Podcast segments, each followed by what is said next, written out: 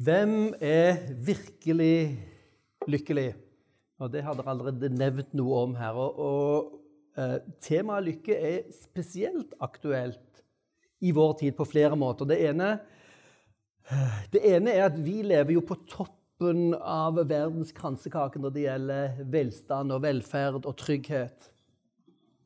Og så er vi også toppen av statistikk for for selvmordsstatistikk når det gjelder ungdom. Det er ikke noen sammenheng mellom å være veldig heldig materielt sett og det å ha det godt indre sett. Faktisk kan det være sånn at det at vi har det så godt, gir et ekstra belastning på denne tanken om lykkelig. Jeg burde jo være lykkeligere. Hva er, det, som er galt med meg, siden jeg ikke kjenner denne lykken? Det er jo interessant når det gjelder dette med å miste livsmotet fra min egen oppvekst i, i Afrika, så eh, der har man lært seg å kjempe for å overleve. Sant? Helt fra barnsben av. Livet er en kamp for å overleve. Vi må ha mat til familien. Vi trenger trygghet. Hva skjer neste uke? Hva skjer neste Kommer regnet? Og man er vant til å kjempe for livet.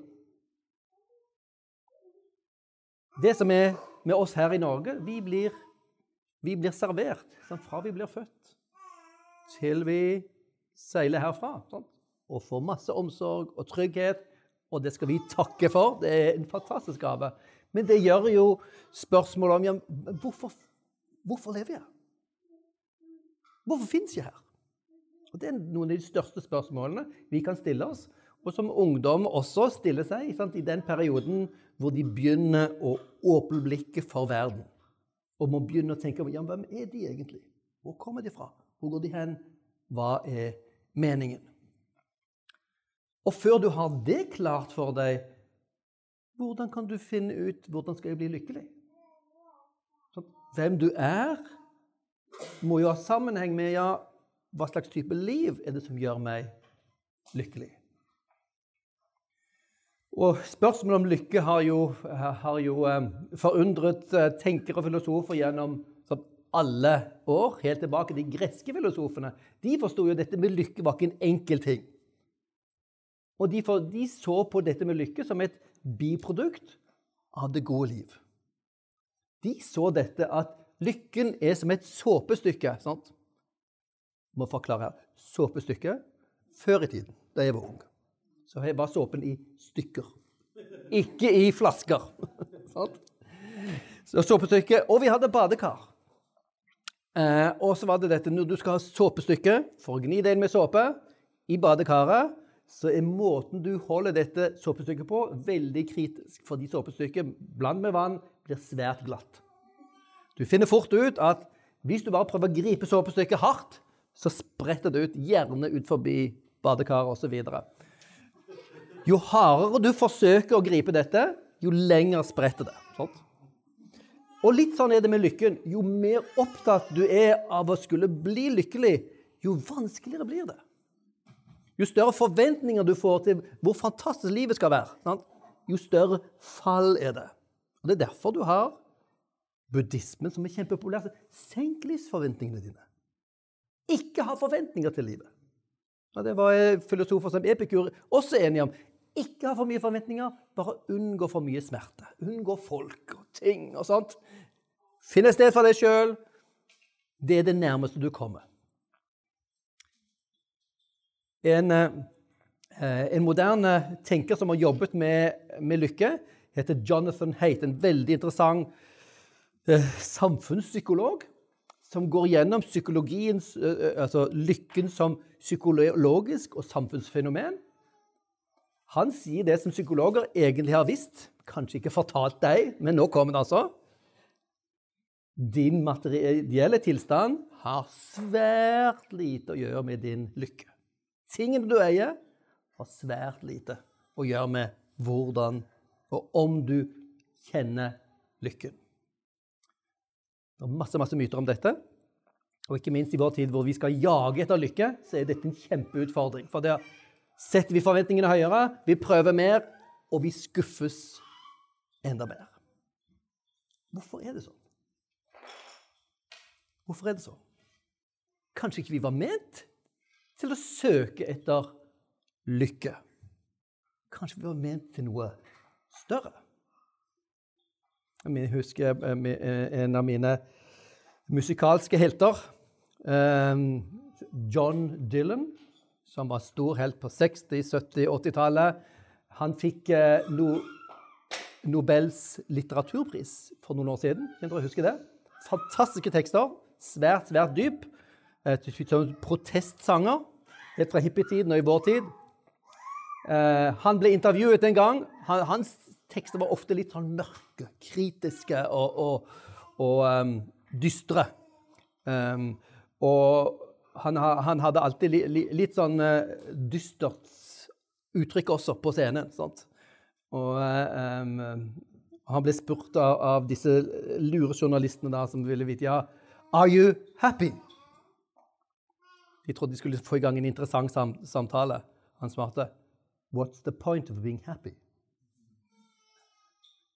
Dere vet at uh, i, i amerikansk grunnlov så er 'the pursuit of happiness' det letingen etter sin egen lykke er skrevet ned i den amerikanske konstitusjonen. What's the point of being happy? Kanskje det fins viktigere ting i livet enn å søke etter å bli lykkelig. Kanskje, hvis du søker etter lykke, kanskje det gjør deg mindre lykkelig. Hvem er virkelig lykkelig? Ja, Det er det store spørsmålet. Og hvordan skal du bli lykkelig? Ja, Da er du nødt til å vite hvem du er. Hvis du er en fisk, blir du ikke lykkelig av å bli løftet opp, befridd fra vannet. Sant? Du trenger å vite hva er elementet hva er hva er det som skal til for å gjøre at livet ditt blomstrer, at du fungerer. Skape harmoni og orden sånt, i din tilværelse. Jo, du må vite hvem du er. Og i vår tid så har vi stadig mindre ressurser for å svare på de spørsmålene. Ikke fordi det ikke finnes svar på dem, men fordi det finnes mange, mange svar. Vi trenger å være der og stille spørsmålene. Er du lykkelig? Er jeg lykkelig? Er det å være lykkelig det viktigste i livet? Hva er det som gjør at mennesket ikke er lykkelig? Hva er det som ødelegger livene våre? Hvorfor er det slik? Og hvorfor er det slik at vi klager på at ting er galt? Hvis ting bare er produkt av tilfeldighet, hvis det bare er sånn, ja, hvorfor sutrer vi? Hvorfor gråter vi? Hvorfor klager vi? Hvorfor protesterer vi? Hvorfor anklager vi noen? Hvorfor anklager vi Gud? Hvis alt er bare produkt av tilfeldighetene. Kan det være at til og med lidelsen og smerten er noe som peker utover oss selv? Og så dreier vår tekst seg om ikke de lykkelige, men de salige. Saligprisningene i Matteus kapittel 5, vers 3 og utover vi skal ta for oss. For lykke, da snakker vi om en lykkefølelse hos oss. Det er Bibelen ikke så opptatt av. Han oppfordrer oss til å glede oss, men gir altså oss alltid en objektiv grunn for å glede deg. Du skal heller fokusere på grunnen for å være fornøyd, være glad og være trygg, enn å kjenne på trygghetsfølelsen og gleden. For den kan svinge. Hvis du har spist eh, feil kjeks der ute eller noe usunt, plutselig forsvinner følelsen som du hadde for et øyeblikk siden. Den endrer seg fra din kontekst, fra dagshumøret, hva du spiser. Følelsene er noe som svinger mest i universet. Å basere troen sin eller livet sitt på følelser, om det er lykke eller glede, eller hva det er for noe, er veldig farlig. Så når Jesus begynner å snakke om de salige, så er det ikke de, de som er så salig lykkelige, som føler det veldig godt. Tvert imot. Hele listen her dreier seg om folk som vi, oi, vi syns synd på. Når Jesus snakker om de salige, så er det de er virkelig heldige. De burde vi se opp til. De burde vi gratulere. Du har, det er noe som, du har vunnet et lodd. Så du har vunnet på lotteriet. Med 100 millioner. Ja, du sitter her fortsatt og eh, går i de samme fillene og har den samme gjelden. sant? Men du er veldig heldig, for du har fått noe sant, som du ennå ikke har i hendene, men du er veldig lykkelig. Ja, grunn, du, du, er veldig heldig. Så det er det som ligger ordet i salig, en beskrivelse av noen som har grunn til å se på seg selv som privilegert. Og la oss lese hva, hva Jesus sier her i Matteus 5, vers 3 og utover. Salige er de som er fattige i ånden, for himmelriket er deres. Salig de som sørger, for de skal trøstes. Salig de ydmyke, for de skal arve jorden. Salig de som hungrer og tørster etter rettferdigheten, for de skal mettes. Salig de barmhjertige, for de skal få barmhjertighet. Salig de rene av hjerte, for de skal se Gud. Salig er de som skaper fred, for de skal kalles Guds barn. Salig er de som blir forfulgt for rettferdighets skyld, for Himmelriket er deres. Ja, salige er dere når de for min skyld håner og forfølger dere, lyver og snakker ondt om dere. Gled dere og fryd dere. For stor er lønnen dere har i himmelen. Slik forfulgte de også profetene før dere.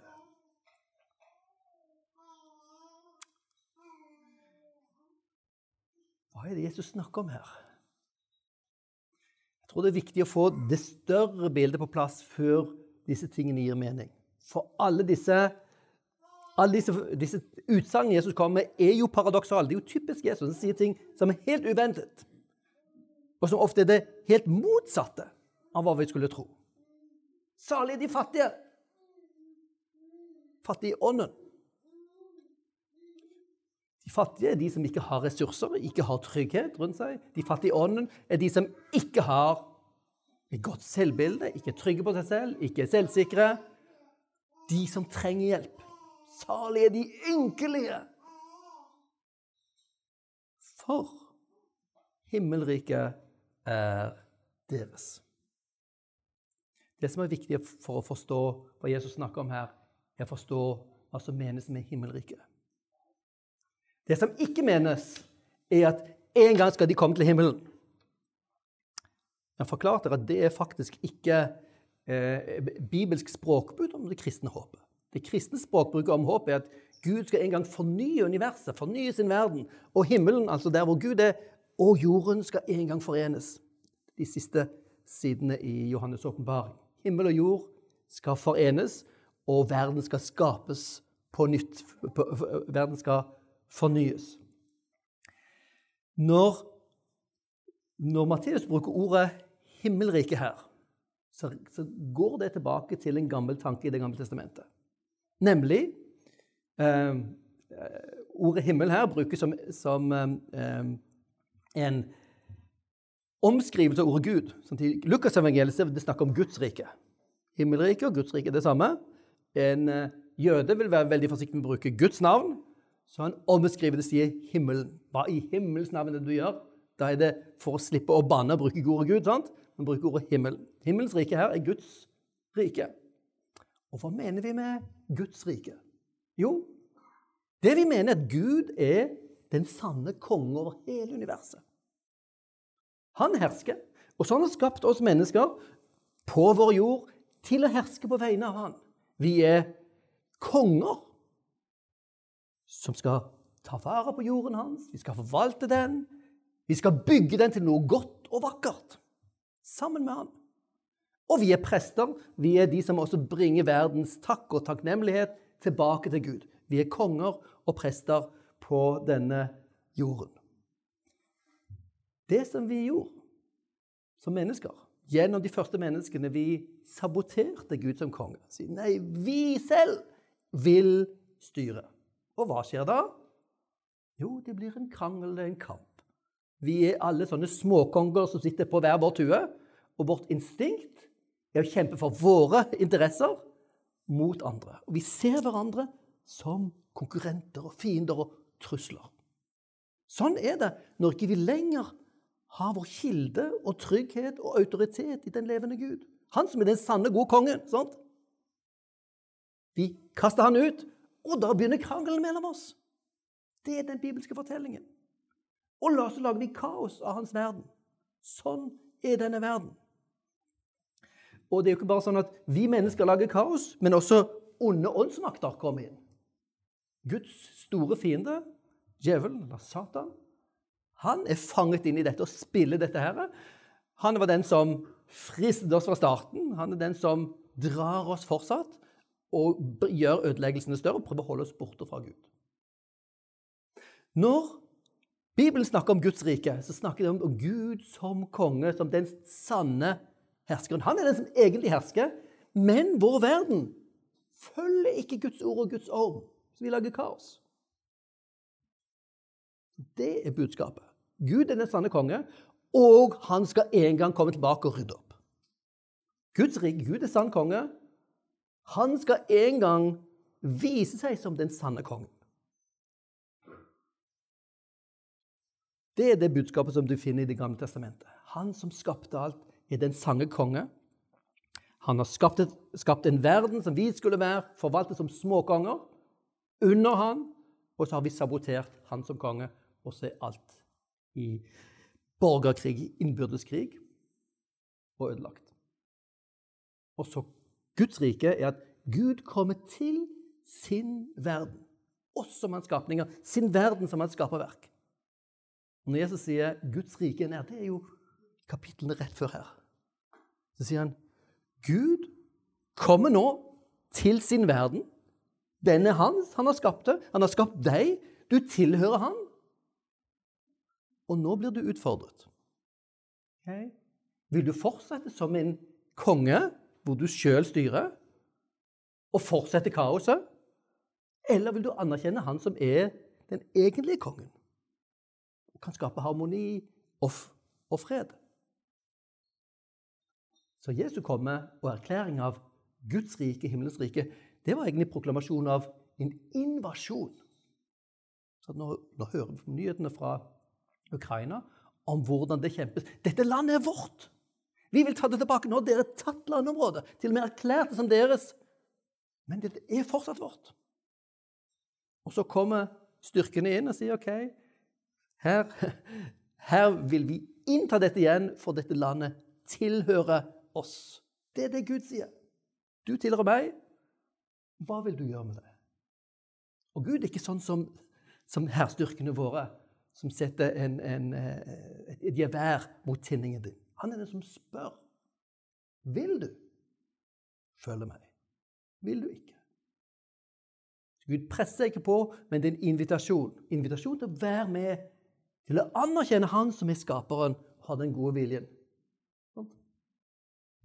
Og begynne å kortslutte den sabotasjen som vi hele tiden er med å gjøre for hans gode styrelse av verden.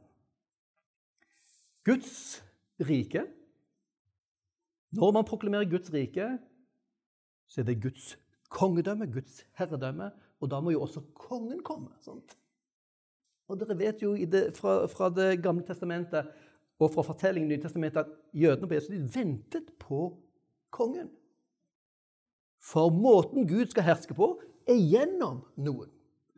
Han skulle en gang sende sin mektige konge. Han sendte mange ledere. Han sendte Moses og, og kong David. Og så en gang skulle han sende en ny Moses, en ny kong David. En som skal regjere for alltid. Så kongen skulle komme. Kongedømme med kongen. Så den sanne kongen her er jo også Jesus Kristus selv. Dere ser dette på slutten av saligprisningene. Her snakker han ikke bare generelt om det å tro på Gud, og hvis du blir forfulgt, så er du likevel på den rette siden, for til slutt her så er det Gud som er på din side. Men det som han sier, du som blir forfulgt og spottet for min skyld Jesus plasserer seg midt inn i fortellingen om Guds rike som kommer til oss. Han er den som sier, 'Jeg er Guds representant. Jeg er Guds sønn. Jeg er Guds ansikt til deg. Hva gjør du? Hva vil du gjøre? Vil du fortsatt si at du vil eie livet ditt, eller vil du anerkjenne meg som din skaper,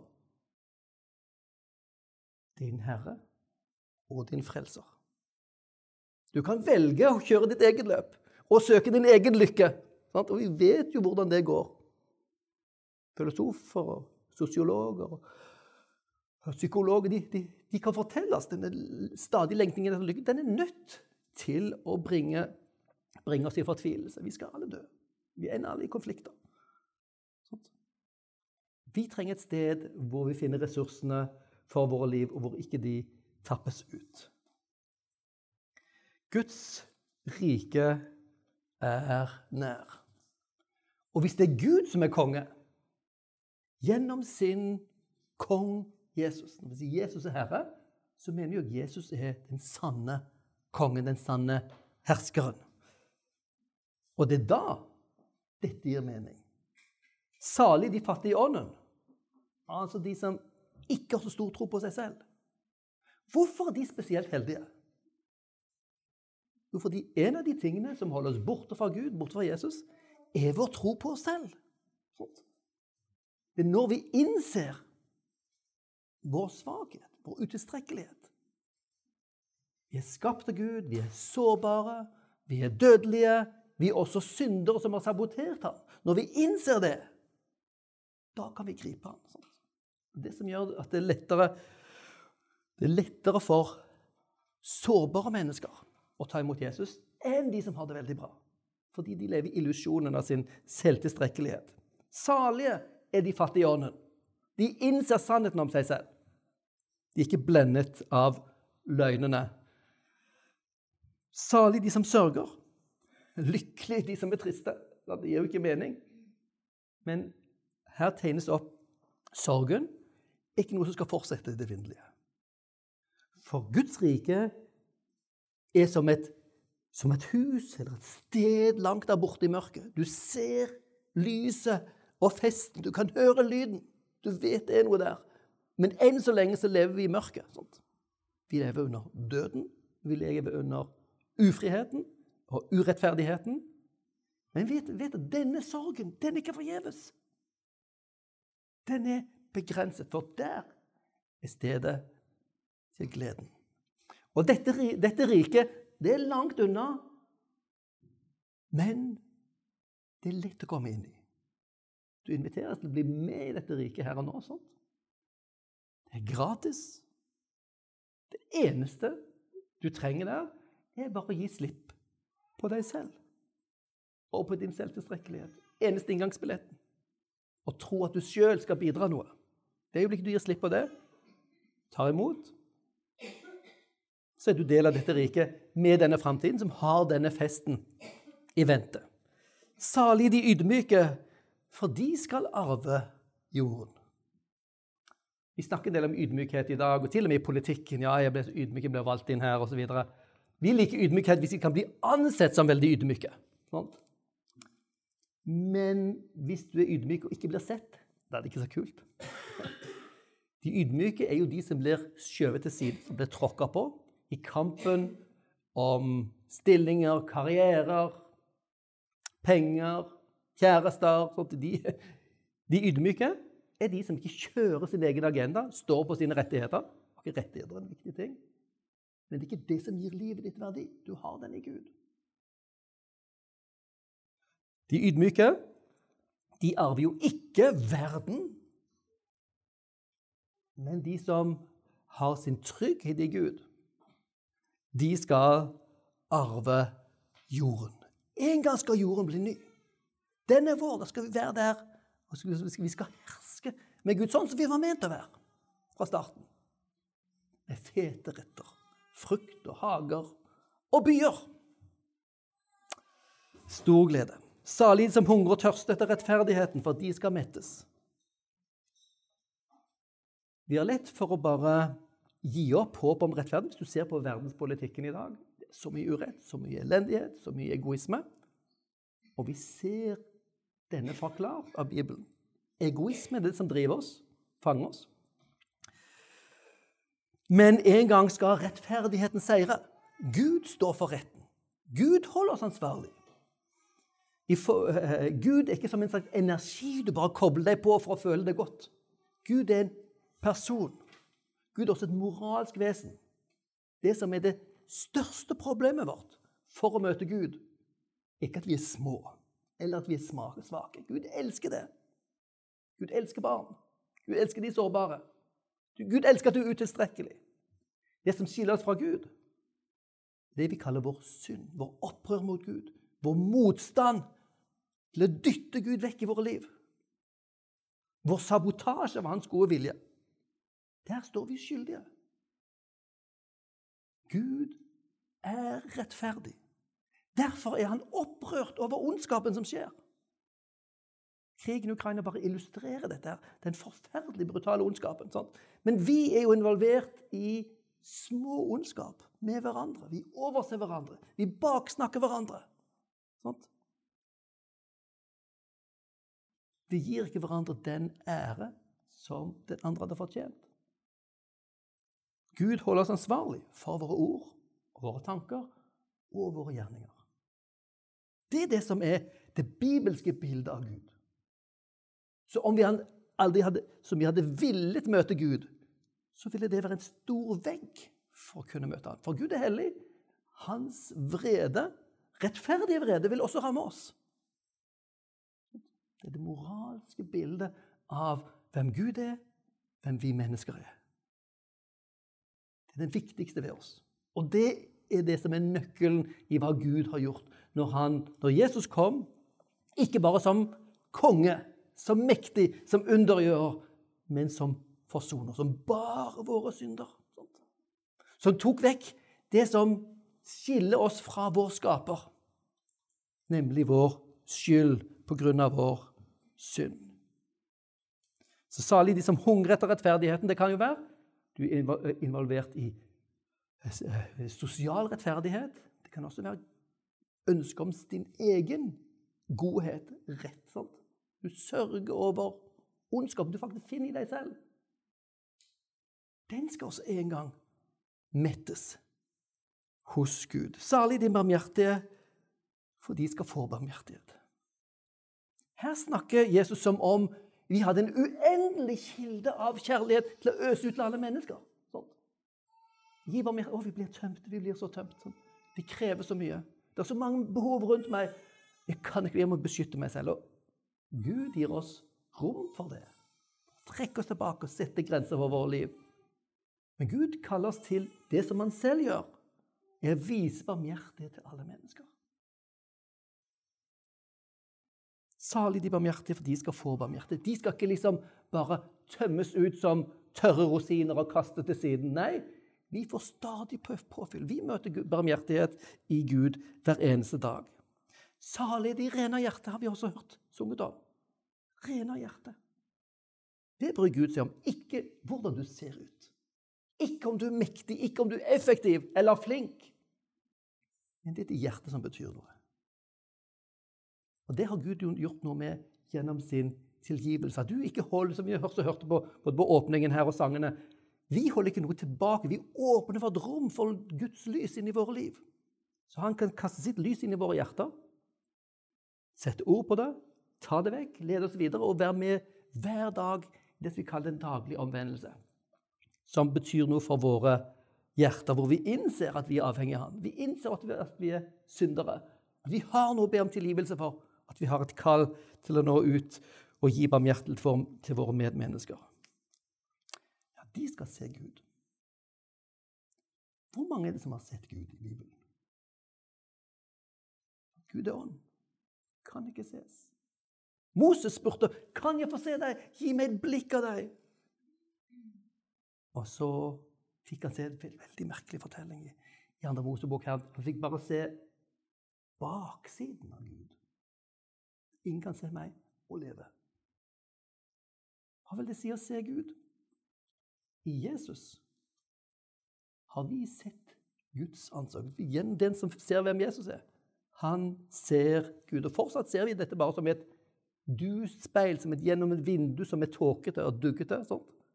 En gang skal vi se han fullt ut. Det er det som vi er lovet, og som vi synger om. En gang skal vi få være med Han uten disse slørene og begrensningene som sorg og urett, ondskap og synd er i våre liv. Salig de som skaper fred, for de skal kalles Guds barn. Sånn. Fredsskaperne er jo de som får fiender begge veier. ikke sant?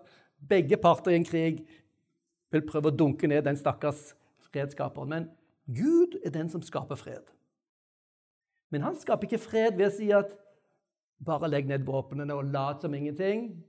Gud skaper ikke fred ved bare å la uretten fortsette. Gud skal en gang påtale all urett, sånn at den freden som blir til slutt, blir også fullkomment rettferdig. For alt er påtalt. Alt er sagt. Alt er sonet og betalt for. Så skal vi også skape fred. Og det kan vi ikke gjøre hvis vi skal sitte på hver vår tue.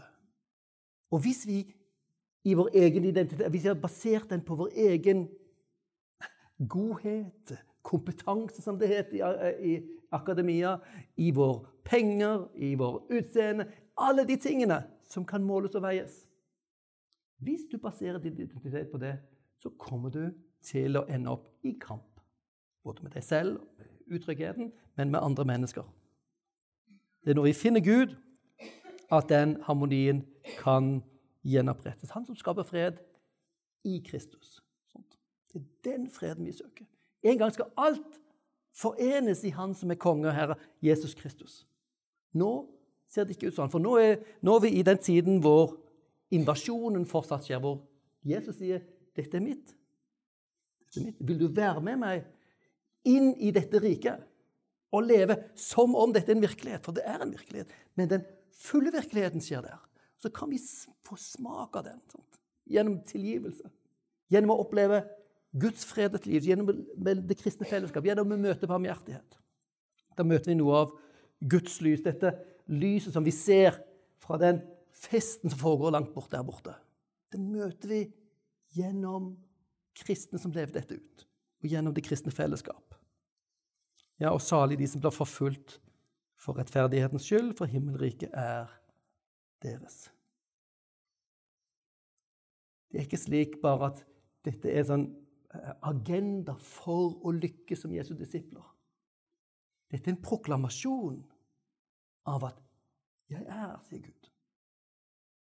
Hva vil du gjøre med det? Jeg inviterer deg inn i mitt rike, i min framtid. Hva vil du gjøre med det? Vil du være med og leve dette ut nå? Hvor ikke du henter dine ressurser fra verden eller i deg selv, men kun hos meg.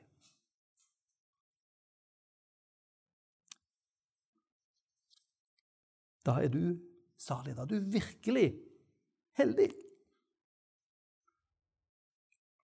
Og da er du også, blir du også Ditt liv bærer også med seg noe av det lyset fra denne testen som ligger der framme. Hvor du er den som er fredsskaper, som midt i sorgen også har et håp. Sant? Håp i Jesus Kristus, han som kom, hadde omsorg for oss, han som helbredet, han som sto opp fra de døde. Han som løfter opp den svake, han som fyller vår sult og vår tørst av de dypeste tingene i livet. Så det er det jeg vil invitere dere til. Dette her er bergprekenen er ikke en liste over ting du skal gjøre. Det er en proklamasjon over noe som er virkelig. Gud er virkelig. Han er den sanne konge. Og sier han, 'Nå kommer jeg inn i verden, inn i ditt liv, og du må gjøre et valg.' Og det er også en invitasjon dermed til å gjøre dette valget. Og vi som har vært kristne i mange år, vi trenger stadig å gjøre dette valget. Fordi at vi vil gjerne ha Gud, og så vil vi gjerne ha litt andre ting også. Som gir oss litt trygghet, sant? litt glede, litt lykke. Og som av og til roter det til, til for oss. For vi trenger å finne livets kilde kun i Jesus. Så sier han de som søker Guds rettferdige, Guds rike, de får jo alt dette i tillegg. Gud vil gi oss det, men ikke søk det, men søk Gud, hans herredømme, som har all endring. Han er jo skaperen. Han har skapt deg til å glede deg over livets gleder. Sant? Han vil ha masse av det. Men sørg for at det, du tar det fra hans hender. Og så inviteres vi til å leve dette nye livet. Dette opp-ned-livet. Hvor de som sørger, de lykkelige. De de heldige. Det vil si, de som sørger, kan gjennom sin sørg, sørg også se framover mot denne festen, dette lyset. De som er svake, som er tråkket på, ja, i den ulykken som det de har et håp som er større enn det. Og vi vet at forfølgelsen av kristne i dag er større enn noensinne tidligere i historien. De er virkelig heldige. Fordi de, det, det, er et klart tegn på at de er eiere av Guds framtid. Hører til Guds folk. Og det at de blir eh, hundset og forfulgt, mm, det er bare en avsløring av hvem verden over verdens krefter er. Som en gang skal bli stoppet. Og Guds rike er det som er ment å være den store trøsten for oss. I Gud, i Jesus, i Han som er kongen over dette riket. Sant? Han er det som vil fylle alle våre og alle dine behov. Jeg vil invitere dere til det, hvor dere er i troslivet deres. Om dere er på vei til tro, om dere er usikkerhet, om dere er i mørke. Om dere lurer på om troen holder. Så vil jeg invitere dere til å ta dette på alvor. Jesus inviterer dere. Jesus er ikke redd for spørsmål. Han kan, han kan takle hva som helst av spørsmål. Men du inviteres til å ta hans utfordring på alvor. Hva vil du? Vil du finne livets kilde i Han? La oss be sammen. Himmelske Far, vi takker deg for at du bryr deg om din verden. Du har ikke forlatt oss i vårt opprør, i vår urett ondskap. Du kommer tilbake til din verden og til oss og inviterer oss til å være med på din framtid, din rike, under ditt herredømme, Herre. Hjelp oss å se hva det er for noe. Hjelp oss å gripe det, eller hjelp oss ikke til å forledes av andre ting som skal kunne fylle våre dypeste lengsler, men kunne finne det hos deg i ditt rike. Og så vet vi at du er den som ønsker å øse ut over oss alle disse godene som du har skapt oss til å nyte.